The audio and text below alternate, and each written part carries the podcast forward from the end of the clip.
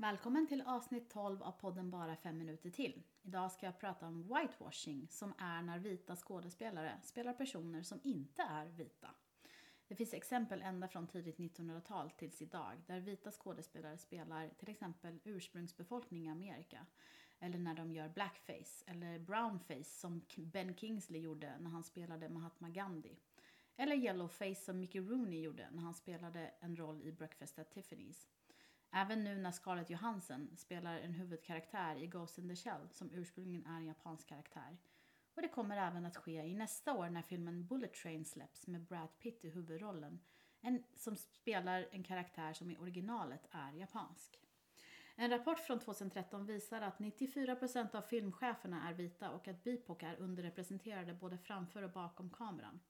Det finns två skäl till detta enligt rapporten, nämligen institutionell rasism och en övertygelse om att välkända vita skådespelare lockar mer publik och därmed maximerar vinsten. Det vill säga ännu ett exempel på hur rasism och kapitalism går hand i hand. När vita spelar karaktärer som ursprungligen är asiatiska, svarta eller bruna gör att dessa bipokroller raderas ur narrativet. Samtidigt så är roller för bipok stereotypiska, dessa filmiska stereotyper speglar och formar fördomar utanför filmens värld. Uppfattningar förstärks och påverkas av hur folk framställs i film, till exempel hur asiater framställs som mattenördar, svarta män som farliga, svarta kvinnor som högljudda och arga och latinamerikaner som sensuella. Eller att svarta och bruna helt enkelt är kriminaliserade jämt och vita är de som räddar världen.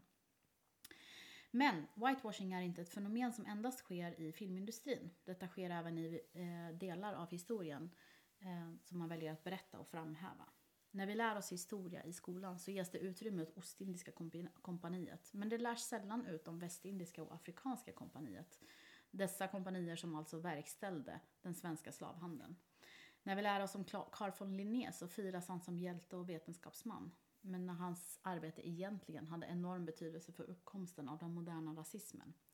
Och när man pratar om närhetsprincip och att man ska hjälpa på plats så talas det alltid om andra länder men aldrig om Sverige och hur till exempel samer har fråntagits äganderätt till sin mark och fråntagits sin rätt att prata sitt eget språk i skolan.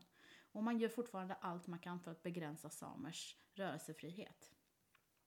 När det cirkulerade propaganda för några år sedan om att muslimer i Europa föder så många barn att de snart kommer vara i majoritet så har man kanske bättre förutsättningar att vara kritisk mot den sortens propaganda om man har lärt sig att samma slags propaganda spreds för 90 år sedan för att sprida hat mot judar och romer.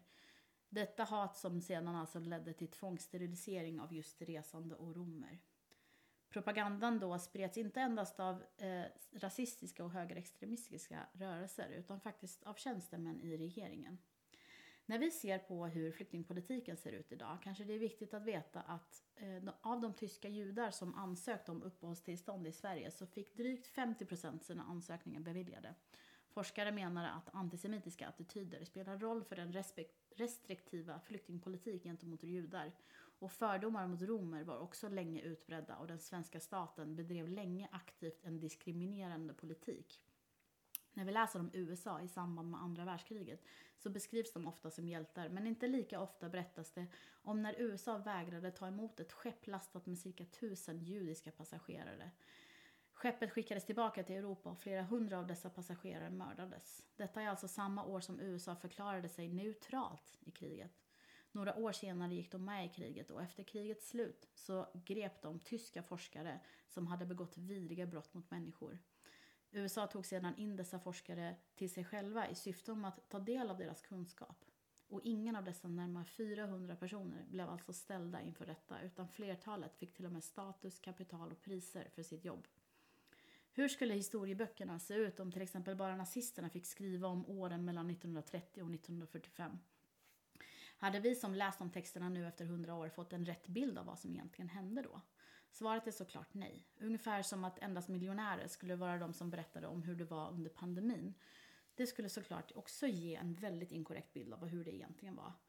Om endast förtryckaren i maktposition och den som har begått våld är den som får möjlighet till att höras så kommer narrativet och historien att förändras till något som inte är sant.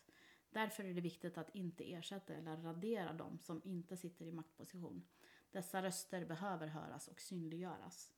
För att om vi endast lär oss en skev bild av vad som egentligen hänt i historien, hur ska vi då kunna dra lärdomar av det? Du hittar mig på Instagram, där heter jag aram jajar. Vi hörs i nästa vecka.